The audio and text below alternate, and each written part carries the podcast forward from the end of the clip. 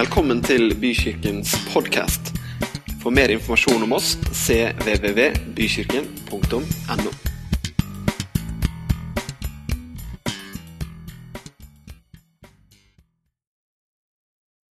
er her akkurat nå. Og du har den formidable evnen at du møter oss der hvor vi er. At du snakker inn i situasjonen vi står i. Og som vi sang, så kan du noen ganger komme som en eh, ild på innsiden eller som en sterk vind. Andre ganger så kommer du som en overbevisning, som en veiviser. Men vi ønsker bare å si til deg, Jesus, at du er velkommen til å berøre livene våre sånn som du ønsker. Takk at vi akkurat nå kan få legge de tingene som eh, tynger oss, eller som opptar tankene våre, på deg. Og så kan vi stilne våre hjerter og tanker, og så kan vi ta imot fra ditt levende ord. Amen. Amen. Jeg hadde jo ikke sagt 'vær så god, sitt', men dere er jo vel trent, så dere har jo allerede satt dere. Det er jo helt glimrende. Sånn er det, vet du. Vi er vanemennesker. Ivar har for vane å komme med et høyt bord etter at jeg har av vane tatt mikrofonen. Da trenger jeg ikke den. Dere er veldig fint å se, alle sammen. Ja. Kan du ikke bare minne et par stykker rundt deg på at det er jammen fint å se deg òg? Kan hende du har sagt det før allerede, altså, men det er ganske fint å se hverandre.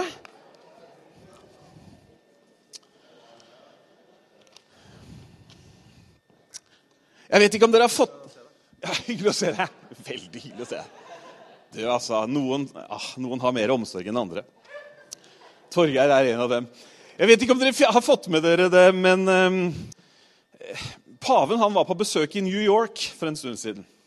Og når paven ankommer byen, eh, flyplassen, så står det selvfølgelig en limousin og venter på paven. Og etter at liksom koffertene er stua inn og sjåføren har gjort jobben sin, så står fortsatt paven på fortauet, eller på området der, og har liksom ikke satt seg.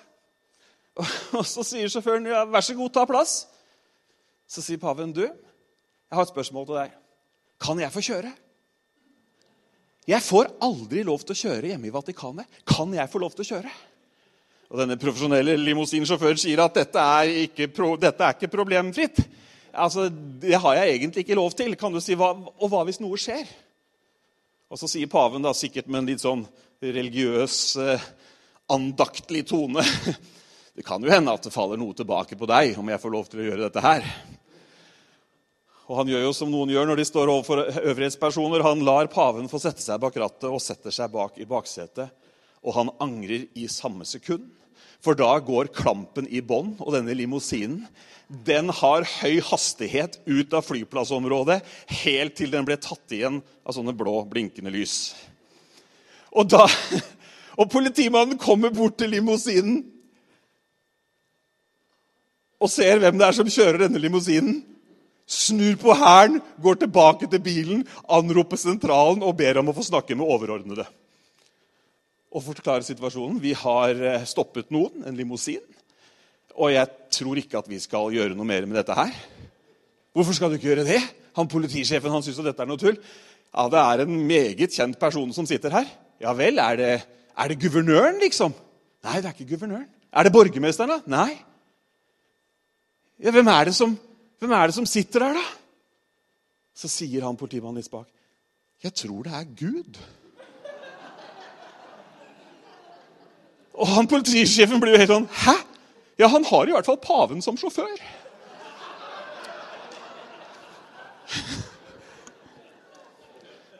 Alle skjønte at det var en Ja. Men det kan hende det kommer til å skje en gang, bare så du veit det. Dere Det er godt å le litt, var det ikke det? Men nok av dager vi ikke ler, er det ikke det? Ja. Jo, noen ikke veldig bekreftende. Det er nok av ting i verden å ikke le over, så vi må le av det vi kan le av også.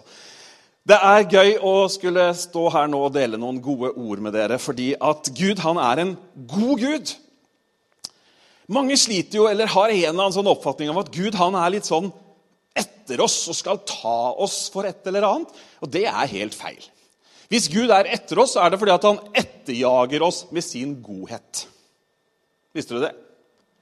Hvis, hvis, noen føler at ja, men det er akkurat som Gud liksom, han er på en måte ute etter meg. på en måte. Hvis du føler at Gud er ute etter deg, så skal du være veldig glad for det, at han er ute etter deg. For han vil nemlig at du og jeg skal få oppleve den godheten, den kjærligheten og den meningen som han har for livene våre. Det er det han ønsker. Og jeg har lest et bibelvers gang på gang noen uker. Og der er det sånn at Jesus snakker med disiplene sine. Og så sier Jesus til disiplene at nei, ikke, ikke strev og arbeid liksom for sånn mat som forgår, men den mat som består og gir evig liv. Og Så lurer disiplene litt på hva, altså, hva, hva, er egentlig, hva, er det egentlig, du snakker om. Og så spør de da, hva er de gjerninger Gud vil at vi skal gjøre? Mange forbinder Gud med noen gjerninger man skal gjøre. Hvilke ting må jeg gjøre for å bli akseptert av Gud? Hvilke ting må jeg oppnå? Hva slags livsførsel må jeg ha, sånn at Gud blir fornøyd med meg? Har du noen gang hørt noe sånt? Mange av oss har sikkert hørt når vi har snakka med venner og naboer og, og, folk vi kjenner om den kristne tro, så sier mange at de, de, føler seg ikke gode nok, de føler ikke at de har livet helt på stell. Noen som kjenner igjen noen av de tingene jeg snakker om. Og liksom, ja, nei, jeg, er ikke så perfekt. Jeg vet du. Jeg har liksom ikke alt på stell. Den møter vi støtt og stadig. Men hør hva Jesus svarer på det spørsmålet. De har spurt ja, vi, hvilke gjerninger skal vi gjøre. da? Hvilke gjerninger er det Gud vil at vi skal gjøre? Jesus svarer dette er den gjerning Gud vil dere skal gjøre. Kolon. Vil du høre resten? Dette, sier Jesus, det er det Gud vil du skal gjøre. Det kan du ta med deg du, neste, gang du, neste gang du har en sånn samtale med noen. Dette er den gjerning Gud vil dere skal gjøre. Å tro på Ham som Gud har sendt.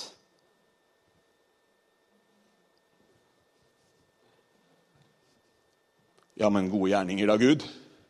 Almisser? Skippertak i familielivet?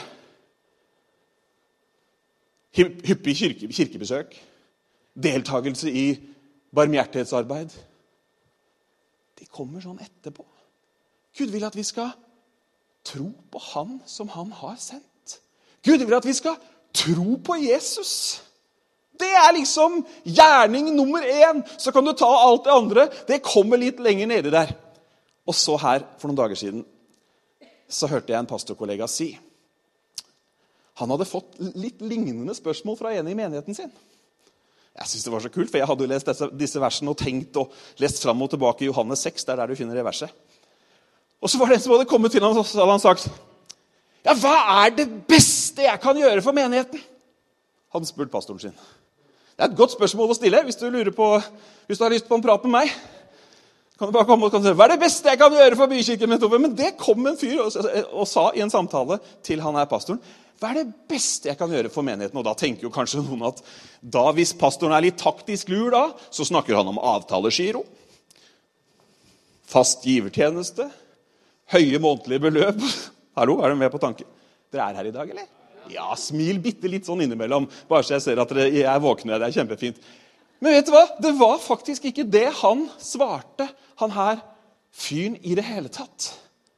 Han svarte nesten det samme som Jesus. Han burde ha svart det samme som Jesus siden han var en pastor. Men han sa isteden det beste du kan gjøre for menigheten, det er å leve nær til Gud. Det er jo egentlig akkurat det samme. Tro på Han som Gud har sendt. I dag har jeg lyst til å dele noen tanker med dere, og tankene har jeg hentet fra noen fantastiske vers som står i Romerbrevet 12, og vi skal få opp de første versene nå.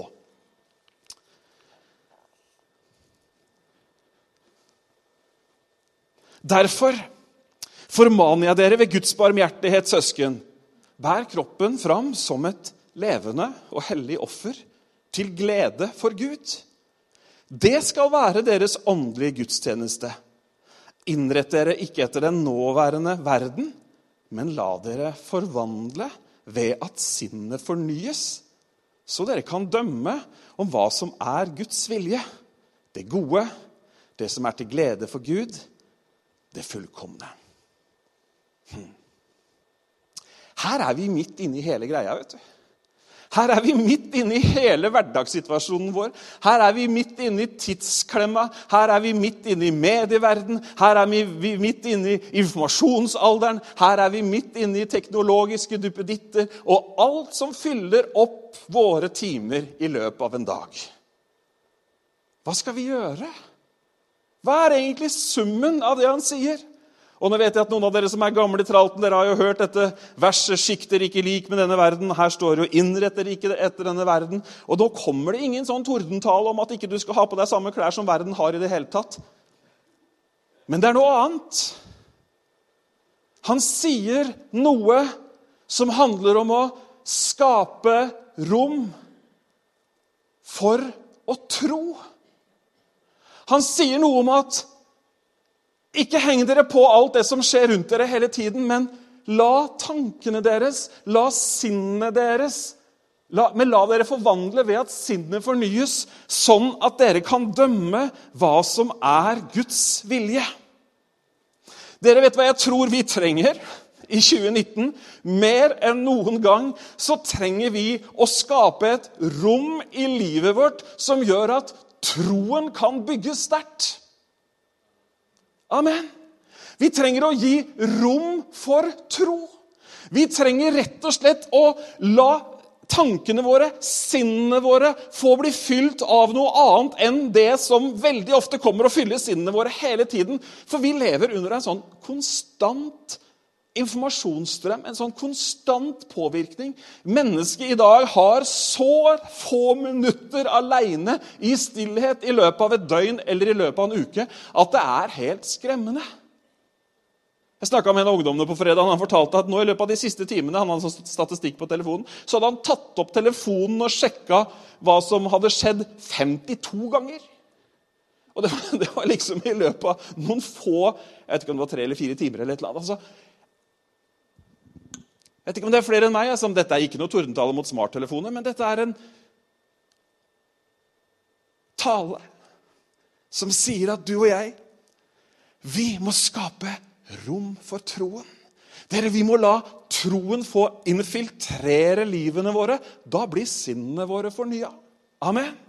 Vi må la troens ord få en plass inni oss, sånn at faktisk vi kan gjøre den gjerningen som Gud vil vi skal gjøre, sånn at vi faktisk kan tro på Han. Bibelen sier at troen kommer av det vi hører, og det vi hører, kommer fra Guds ord. Det er nemlig sånn at denne boka her, som er troens ord, som er Guds ord, den har ingen verdi når den er lukket eller står i hylla. Den har enorm verdi hvis den åpnes, leses eller man hører fra denne boka. For da er det faktisk sånn at den troen, troens ord, infiltrerer livene våre. Og så tror vi at Gud faktisk er den han har sagt han er. Er du med på tanken? Det er når vi hører om Gud, at vi kan tro på ham. Hvordan skal de høre hvis ikke det er noen som forteller? Sier Paulus. Det er jo helt umulig å høre hvis ingen forteller. Og Det gjelder ikke bare de man skal fortelle som ennå ikke tror, men det gjelder også oss sjøl. Hvordan skal du og jeg kunne utvikle troen vår, styrke troen vår, bygge livet vårt på troen vår, hvis ikke troen får næring, tilførsel? Da, da fornyes sinnet. For da blir det ikke bare hva alle andre tenker, eller hva du har kokt opp sjøl av tanker, men da preger disse ordene tankene våre. Og så tenker vi rett om oss selv fordi at vi tenker om oss selv sånn som skaperen, Gud, han som har gitt oss selve livet, sånn som han tenker. Og han, hva er det han vil? Jo, det sa jeg når vi begynte. Han vil jo det som er godt. Er ikke det fantastisk? Han vil det som er godt. Men du vet, Noen ganger så har man klart, når man har snakka om Bibel eller når man har om tro, så har man klart å gi det et eller annet sånt mønster av streng militær disiplin. Og så har man gått glipp av hva som egentlig er hele greia. Og Jeg gir ikke et eneste råd om hvor mange minutter du skal lese Bibelen, eller hvor mange podkaster du skal høre. Jeg sier ingenting. Jeg bare sier det. Skap et rom for tro. Gi Gud muligheten, da! Ved å høre Hans ord eller lese det sjøl, ved å høre forkynnelse, ved å ta tid alene for seg sjøl. Vi trenger å la troen få infiltrere livene våre. Når troen infiltrerer livene våre, når tankene våre preges, så påvirkes handlingene våre. Og dere, det er så mye fint å se på. Det er så mye bra i denne verden. Og jeg er ikke så veldig glad i den der voldsomme 'Å, nå er alt mørkt, og alt er negativt, og alt er fælt', og liksom 'Vær forsiktig, lille øye, hva du ser'. Men likevel Jeg sa 'men likevel'. Så er det sånn at hvis du vil ha noe annet ut av livet ditt enn det du har nå, så må man kanskje putte noe annet inn. Dere, gi troen rom. La oss gi den mulighet. Jeg snakka med noen ungdommer her, og han ene han ble faktisk aldri så lite, lite provosert. For jeg sa det At om du så tviler på om Gud eksisterer, eller om du tviler på om det er noe i dette her i det hele tatt, så anbefaler jeg at man i alle fall prøver og henvender seg til Gud. For jeg sa at du forholder deg veldig passiv til troen dersom du ikke engang sjekker ved å lese eller ved å høre eller i det hele tatt åpner opp for spørsmålet om at Gud faktisk lever. Er du ikke enig? Du har liksom bare konkludert. Men Gud ønsker at vi skal ha en aktiv tilnærming til troen. At vi faktisk åpner opp, at vi gir rom, sånn at troens ord kan fylle oss, sånn at han faktisk kan handle i livene våre. Og det er sånn at Guds ord det bygger troen sterkt inni oss. La Guds ord sette agendaen. La troen bli noe vi fokuserer på. Det er så viktig at troen får påfyll. Jeg hadde gleden av å møte tidligere statsminister Kjell Magne Bondevik for noen dager siden. Altså, Jeg møtte han ikke sånn at det var meg han kom på besøk til, men vi var i samme rom noen timer. Han var statsminister i Norge i mange år. Heltidspolitiker i ca. 30 år. Og han var så ærlig. Det var ikke et politisk møte jeg var på, så slapp av. Det kommer ikke noe partipolitisk her i det hele tatt. Men han var så ærlig på at åndelig påfyll var helt avgjørende for han som troende. Vet du hva? Han var så tydelig. Og han fortalte at han gikk på gudstjeneste hver søndag. Ja, men kjære min tid, var, altså, vi har jo ikke tid hver søndag. Nei, altså, han, Som statsminister så hadde han tid til det, tydeligvis. Det er jo, det er jo imponerende. Er det ikke det? Men han var så ærlig. altså. Ikke, hvordan skulle troen min overlevd? Hvordan, hvordan skulle troen min kunne vokse hvis ikke jeg fikk påfyll? Jeg må ha påfyll. Og så fortalte Han også at en annen ting han, han hadde tydeligvis sånne påfyllingsstasjoner. Da. En annen ting var at han var med i en bibelgruppe annenhver uke. Og han sa det at sekretæren min visste at det var ikke noe vits i å gjøre en avtale på det tidspunktet hvor jeg hadde bibelgruppe. Det er forbilledlig. Og nok en gang, Jeg sier ikke at noen skal stemme noe i det hele tatt spesielt. Og Han snakka ikke som politiker, han snakka som en mann som hadde stått i samfunnets tjeneste og var ærlig på at 'jeg må ha påfyll'. Men hold deg fast, det var ikke bare det. Hver dag han var på kontoret, han var jo ikke der hver dag, men hver dag så var det bibellesning og en kort bønn før dagens morgenmøte starta med de nærmeste på kontoret. Fint? Og så herlig å høre hvordan han ga troen rom i stortingssalen. Han fortalte det at du vet når det går over det røde teppet, teppe, Du har prøvd det? Jeg har prøvd det. det er veldig fint teppe. Så fortalte han det at fra han reiste seg til han entra talerstolen, så var det ikke uvanlig at han ba Gud om styrke, om hjelp. Ikke om politisk strategi og taktikk og 'nå, Gud, nå må du støtte det jeg sier'. Nei, han var ikke så opptatt av det, men det var å tro Han som Gud har sendt. at hos Han så finnes all styrke. Hos Han så finnes alt det vi trenger. Salmisten skriver alle mine kilder er i deg, Gud. Dere, la oss gi troen rom. Vi skal lese litt videre fra Romerne 12. Ved den nåde jeg har fått, sier jeg til hver enkelt av dere, tenk ikke for store tanker om deg selv, men tenk sindig. Hver og en skal holde seg til det mål av tro som Gud har gitt ham.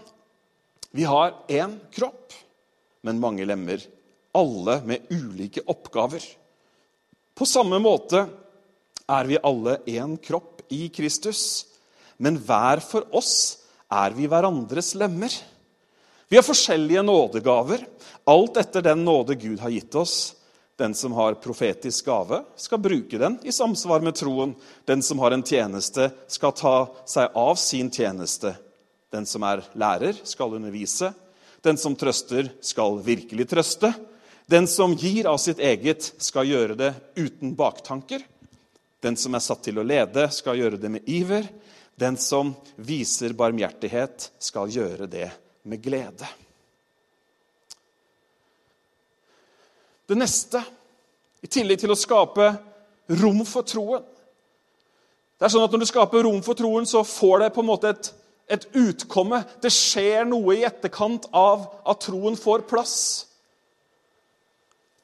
Jeg tror det er viktig at vi tar oss tid til å tjene. Tid til å utføre den gaven som Gud har gitt oss.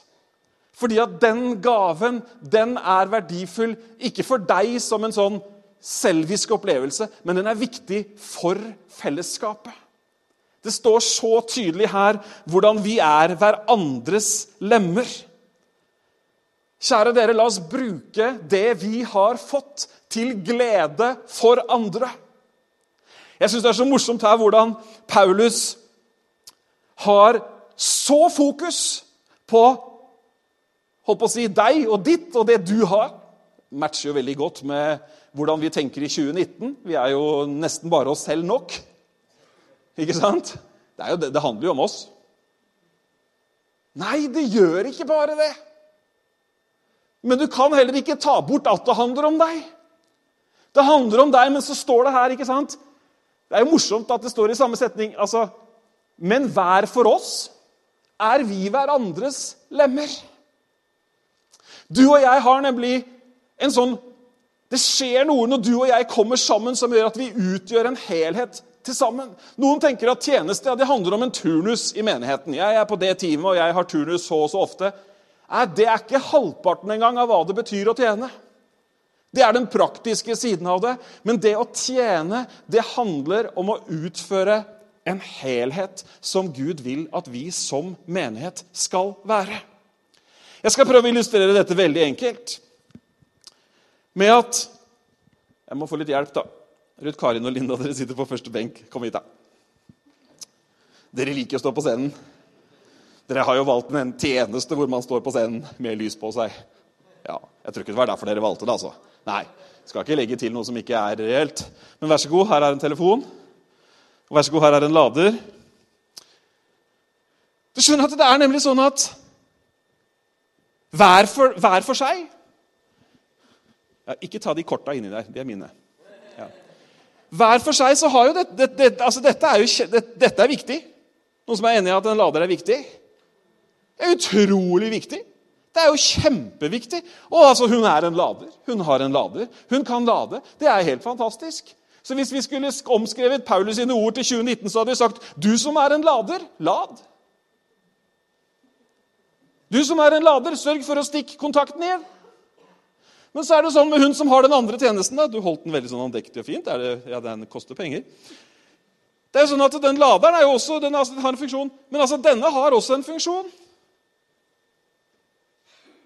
Hallo? Det er like før vi begynner opplivning her. Altså, den har en funksjon. Og Paulus hadde sikkert skrevet, da, siden vi er over i 2019-oversettelsen Du som er en iPhone, vær en iPhone. Jo, men du som, du, altså, du som har evnen til å kunne nå andre ved den du er altså, Vær, vær for Guds skyld det. Hallo? Men det er bare det at hvis de opererer hver for seg Altså, I hvert fall den sin batterikapasitet det er ingenting å skryte av. Men så er det det at det skjer liksom noe. da. Nå er det feil lader. Se her, da. Det var jo dumt, da. Kunne vi sikkert gjort et poeng ut av. Men det er liksom noe med det at Det får vi ta neste gang. Jeg kjente at jeg var på en helt sånn omskrivning av Romerne 12 jeg, med kroppsdeler og tjenester i 2019. Men det kommer seinere, i bokform. Nei da, start på. Men, men, skjønner du tanken? Men det er liksom bare det at når, når den treffer den, så blir jo laderen kjempeglad, for laderen er jo proppfull. I hvert fall hvis den har hatt kontakt med de der borte. Og den blir kjempeglad, for den kan gjøre den funksjonen den har. Dette blir banalt, men det trenger vi, gjør vi ikke det? Du skjønner at Det er sånn at det, at du sitter her nå, snakker med noen, møter noen der ute som forhåpentligvis snakker om noe annet enn været Du kan lese alt om været på Yr. Snakk om noe annet, folkens. Så gir, så gir det du, da, som er lader det er jo noen ladere her. Jeg, det er noen av dere dere lader meg litt hver, hver søndag. Dere aner ikke. Jeg, jeg, fikk sånn, jeg fikk en sånn hurtiglading derfra og inn i stad. Jeg gjorde det. Jeg traff Erik, og så prata vi ti meter gjennom salen. Og så var det tro på alfakurs, og det var liksom Tenk, ja, men så bra! Bibelen sier det. Når vi kommer sammen, så bygger vi hverandre opp på vår høyhellige tro. Vi utfører ikke turnustjenesten vår. Det gjør vi også. Håper å si, vi gjør noen oppgaver. Men vi tjener sånn at noen andre faktisk kommer i funksjon. Jeg står jo ikke her i dag med en mikrofon fordi jeg syns det er det beste i livet. Jeg står jo her fordi jeg håper at jeg kan ha litt oppladingsfunksjon på et par-tre gamle iPhones. Amen. Jeg var ganske god, faktisk. Jeg kan få lov å sette dere. For noen som skrev den ned, så var det Nei da, nå skal ikke jeg bli Men er du med på tanken? Dere, La oss skape tid til å tjene. Paulus han tar mange runder på dette. Han sier i Galaterne deres søsken er kalt til frihet. Men la ikke den friheten bli et påskudd, påskudd for det som kjøtt og blod vil, men tjen hverandre i kjærlighet. Nydelig! Og så sier, han, og så sier ikke han, det er Peter som sier da, i 1. Peter 4,10.: Tjen hverandre. Vær med den nådegave han har fått, som gode forvaltere av Guds mangfoldige nåde. Du skjønner at funksjon, tjeneste, det skaper sunnhet. Når du som er lader, når du som er oppmuntrer, får noen å muntre opp, når du som er bibellærer, når du som har en oppgave, når du som er en omsorgsperson altså du, tar, du skjønner hele tegninga Når du får lov til å funke, så er det deilig. Når kroppsdelene våre får lov til å liksom være kobla på de andre, blodgjennomstrømningen er god, oksygenet er på riktig nivå, så kjenner man liksom at Oi, det funker jo! Amen tid til å tjene. Tjene hverandre. Dette er nemlig ikke teori. Det er praksis. Dette er ikke bokstaver på papir. Det er levende liv som du og jeg skal ta med oss inn i hverdagen. Orker du litt til? Ja, det var bra. Vi må ta noen vers til fra Romerne, romerne 12. Asbjørn altså, han er så våken i dag. Det er utrolig bra. La kjærligheten være oppriktig. Jeg syns det er morsomt at han i det hele tatt skriver 'la kjærligheten være oppriktig'. Går det an å ha ikke-oppriktig kjærlighet? Ja, det gjør tydeligvis det, da.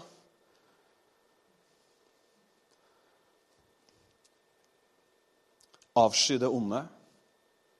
Hold dere til det gode. Elsk hverandre inderlig som søsken. Sett de andre høyere enn dere selv. Vær ikke lunkne, men ivrige. Vær brennende i ånden. Tjen Herren. Vær glade i håpet. Tålmodige i motgangen. Utholdende i bønnen. Vær med og hjelp de hellige som lider nød, og legg vind på gjestfrihet. Velsign dem som forfølger dere. Velsign og forbann. Gled dere med de glade og gråt med dem som gråter. Hold sammen i enighet. Gjør dere ikke for høye tanker, men hold dere gjerne til det lave, og vær ikke selvkloke. Gjengjeld ikke ondt med ondt. Ha tanke for det som er godt for alle mennesker. Hold fred med hverandre, om det er mulig, så langt det står til dere. Ta ikke hevn, mine kjære, men overlat vreden til Gud. For det står skrevet, 'Hevnen hører meg til, jeg skal gjengjelde', sier Herren. Men er din fiende sulten, så gi han mat. Er han tørst, så gi han drikke. Gjør du det, samler du glødende kull på hans hode. La ikke det onde overvinne deg, men overvinn det onde med det gode. For en oppfordring! For noen ord! Midt i et samfunn som blir kaldere, hvor antallet ensomme øker Gjerdene våre, dere, nå snakker jeg også om de fysiske, de blir høyere. Hekkene våre blir større. Nabokrangler øker drastisk i antall. Og begrepet 'jeg og min rett' har kanskje aldri hatt sterkere fotfeste i folkesinnet enn det det har akkurat nå. Så sier Bibelen at summen av denne boka Jesus sier noe om dette. Han sier du skal elske Herren din Gud av alt du er og har, osv. Og, de neste som deg selv. Dere ser på lista en gang til. For noen fantastiske mennesker dette må være å være sammen med.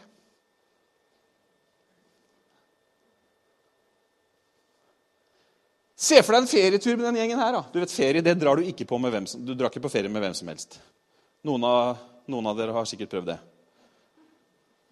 Noen har allerede funnet ut at de skal vi aldri dra på ferie med. For en, en uke sammenhengende med de, det kan bli en prøvelse større enn det meste andre. Men tenk å dra på ferie med den gjengen her. Ja, men unnskyld meg.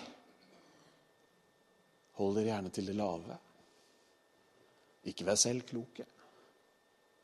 Dette er ikke mye i 2019, folkens. Vær enige, da. Rett dere litt etter hverandre. Vær glad med de som er glade. Trøst de som trenger trøst. Vær gode, vær snille. Dere, varme relasjoner. Varme relasjoner. Vi trenger å gi plass i livene våre til å dyrke varme relasjoner. Hm. La kjærligheten være oppriktig. Jeg snakka om kjærlighet her for noen uker siden. og til min store overraskelse, og kanskje noen av deres andres overraskelse også Vi er vant til å tenke på kjærlighet. vet du. Vi har sånn agapekjærlighet. Alle har hørt om det? Det er sånn Guds kjærlighet. Og så har vi den der fileo, sånn vennskapelig kjærlighet. Og så har vi eros, den seksuelle kjærlighet. Og så er det noen som har fem inndelinger, og noen har sju. Det spiller ingen rolle. Men når vi leser Bibelens mest kjente vers, for så har Gud elsket verden, så er det denne agapekjærligheten som vi ser i funksjon. ikke sant? Alle har fått med seg det. Gud elsket uten å forlange å få noe tilbake. Gud elsket ikke fordi at vi hadde gjort noe spesielt, det var ingen belønning, men han elsket bare fordi at han elsket på tross av alle våre tilkortkommenheter. Det som er veldig interessant, er at det er det samme ordet for kjærlighet som brukes her.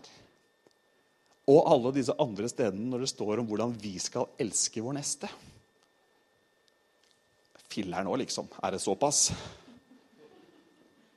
Jeg trodde det holdt at vi hadde sånn cirka god oppførsel jeg og styrte unna de vi ikke likte så godt. Jeg er så glad for at Gud ikke har styrt unna meg. Hæ? Er du også det? For jeg er ikke like hyggelig alltid, altså.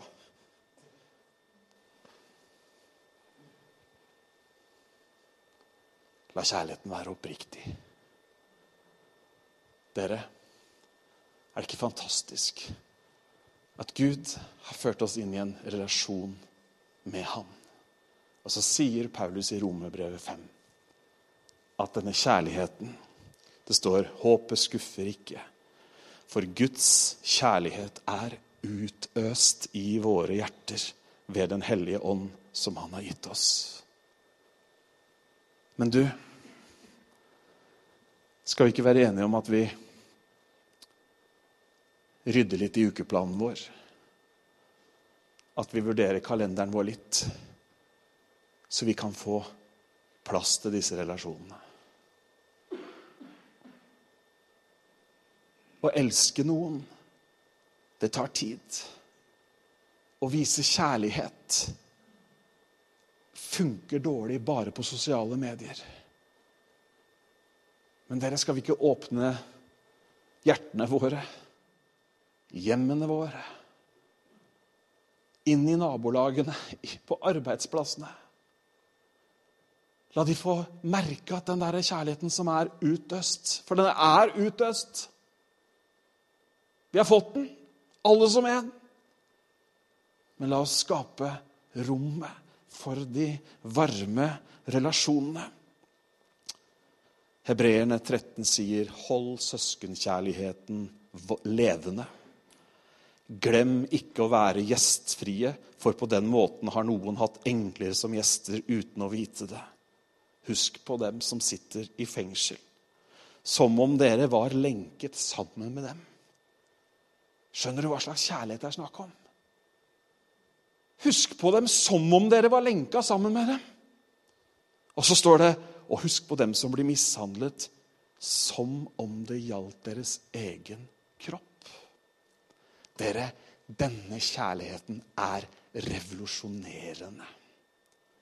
Denne kjærligheten kan ingen teori, ingen filosofi, ingenting kan stå seg mot denne kjærligheten. Da slipper du å argumentere for troen din. Trosforsvaret er kjempefint. Men når mennesker møter denne kjærligheten Var det noen av dere som eh, Noen av dere hørte hun Danielle Strickland på, på Led her en av kveldene. Husker dere den historien om dette paret hun skulle hjelpe? Eller var det Det var ikke på søndag, kanskje? Nei, bare en liten historie om denne kjærligheten. Hun som forkynte en canadier ved navn Danielle Strickland, hun ble sendt av gårde for å hjelpe to stykker, to hjemløse som eh, var på reise, men som ikke kom videre. Hun jobba i Frelsesarmeen. Hun kjørte inn til butikken der hvor de var, sørga for å fylle opp posene med mat, sørga for å kjøpe bussbilletter så de kom fram dit de skulle, osv. Og, og, og brukte organisasjonens kort, så hun handla skikkelig. Men hun hadde jo denne kjærligheten utøst i hjertet. da. Og så sier de da, når hun leverer de på busstasjonen, at uh, vi vil gjerne ha det som du har. Hun tenkte umiddelbart på eh, et kredittkort som hadde god kapasitet. Og liksom forklarte at nei, det er nok ikke sånn at dere kan få kortet. Selv om Frelsesarmeen er snille, så kan dere nok ikke få det kortet. Så nei, nei, det er ikke kortet. Vi vil ha det du har her inne. Den kjærligheten. Dere, klokka er halv ett. Men la oss skape et rom for troen i livene våre. La oss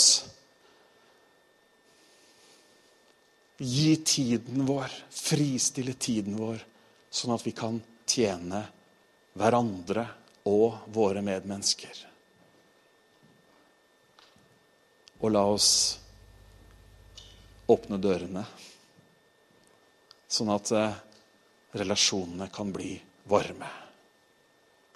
La oss slutte å leve i forestillingen om at nordmenn er kalde.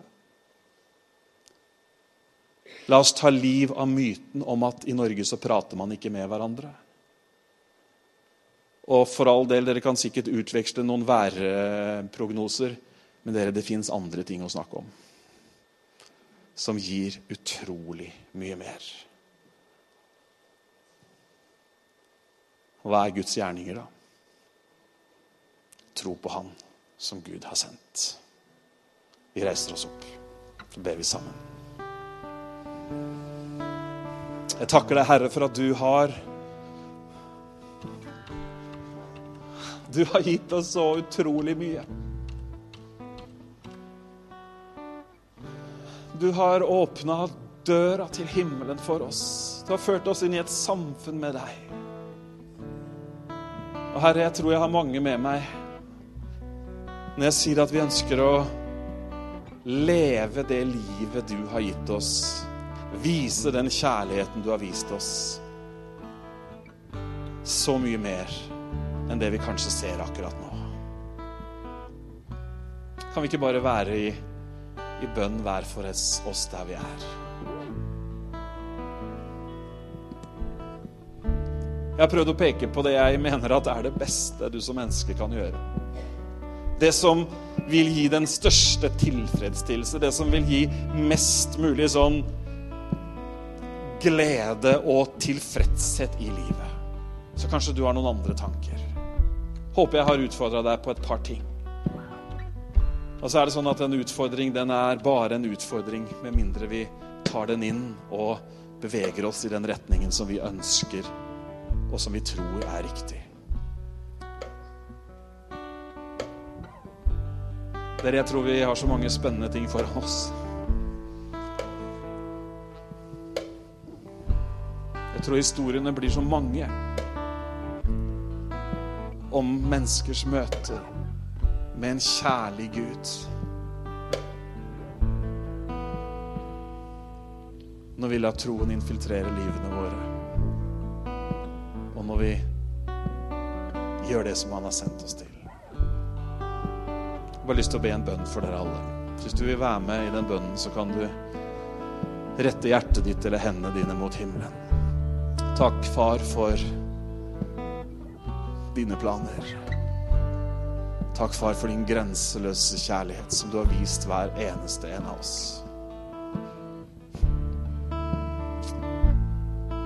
Herre, vi kommer sammen framfor deg nå.